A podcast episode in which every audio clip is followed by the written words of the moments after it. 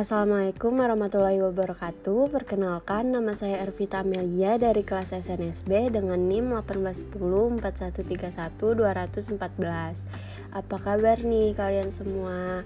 Semoga sehat-sehat terus ya. Jadi di sini saya mau menjelaskan ke kalian mengenai resumen tentang mata kuliah tata kelola keuangan pemerintahan.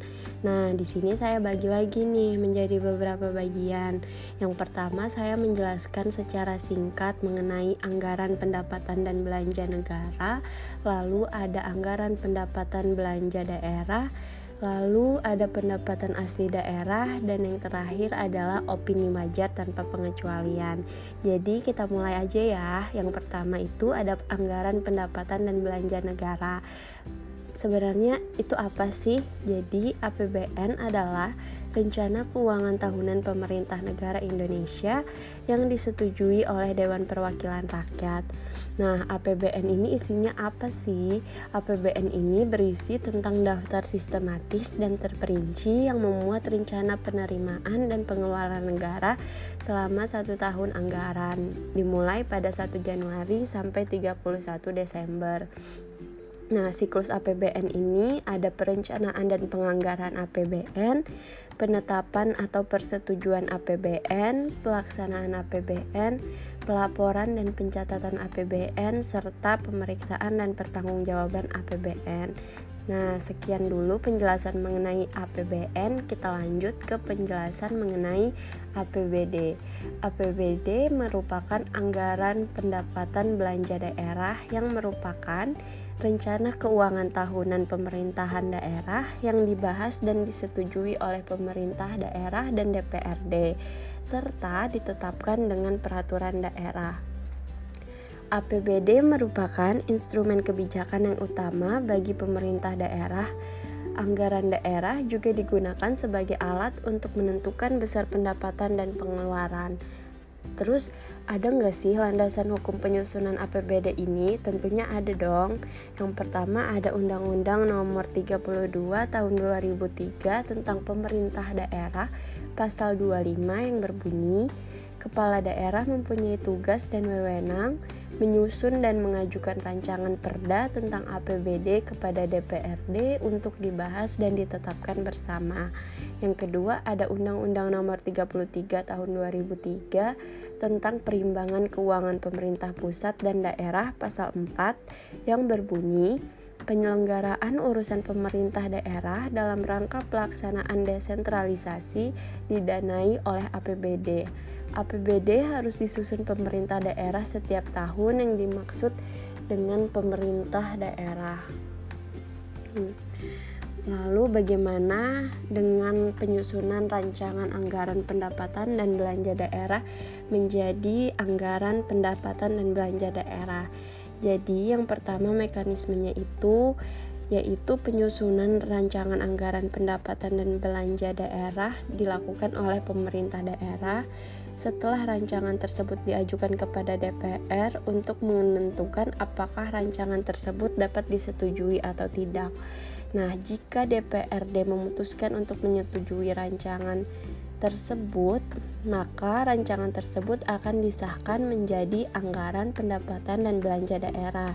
Tetapi, jika DPRD memutuskan untuk menolak rancangan tersebut, maka kita menggunakan rancangan tahun sebelumnya.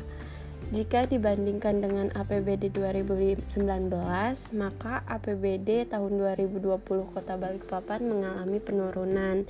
Rancangan anggaran pendapatan dan belanja daerah 2020 Kota Balikpapan mengalami penyusutan sebesar 10,56% atau setara dengan 266,96 miliar. Hmm. Anggaran pendapatan itu terdiri dari apa aja? Yang pertama ada pendapatan asli daerah, yang kedua ada bagian dana perimbangan, lanjutnya ada lain-lain pendapatan yang sah, setelah itu ada anggaran belanja, dan yang terakhir pembiayaan. Nah, sumbernya itu dari mana aja? Yang pertama ada retribusi, yang kedua ada PBB atau pajak bumi dan bangunan, ada pajak cukai dan pajak penghasilan. Nah, kita lanjut lagi nih ke pembahasan selanjutnya yaitu PAD atau pendapatan asli daerah. Pendapatan asli daerah merupakan penerimaan yang berasal dari sumber-sumber pendapatan daerah yang terdiri dari pajak daerah, retribusi daerah, bagian laba BUMD, penerimaan dari dinas-dinas, dan penerimaan lain-lain.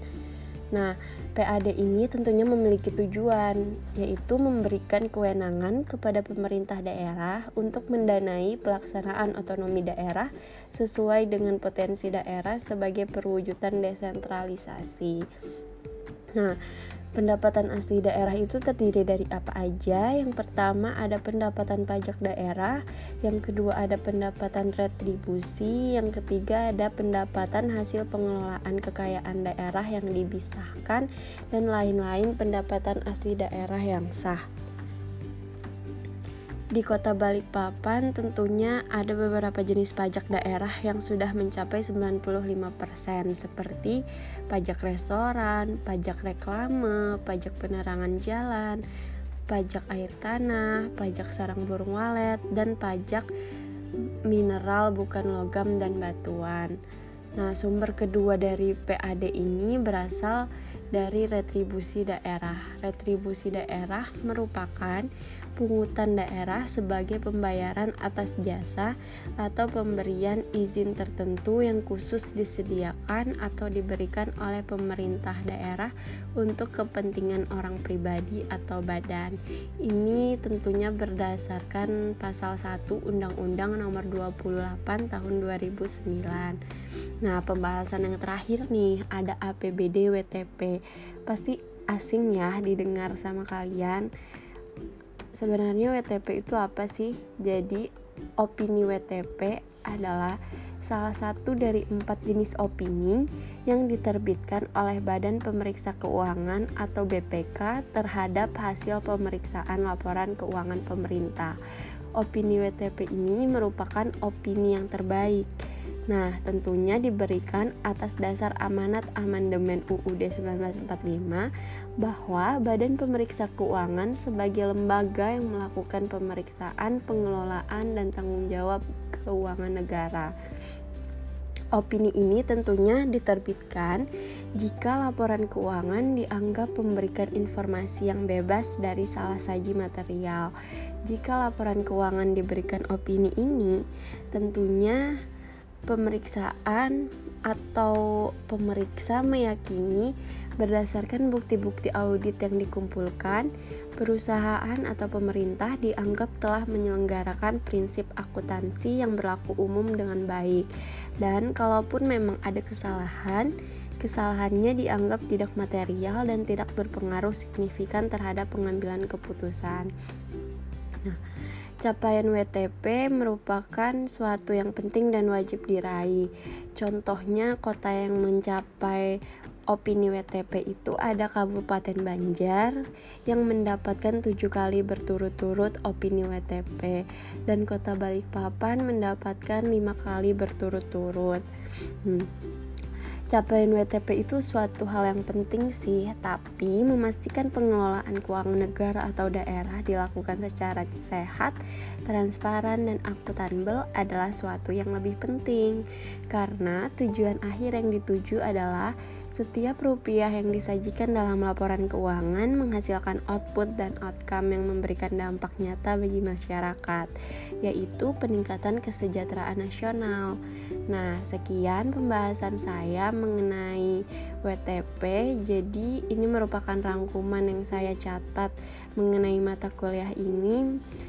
Salah kata minta maaf. Assalamualaikum warahmatullahi wabarakatuh. Terima kasih.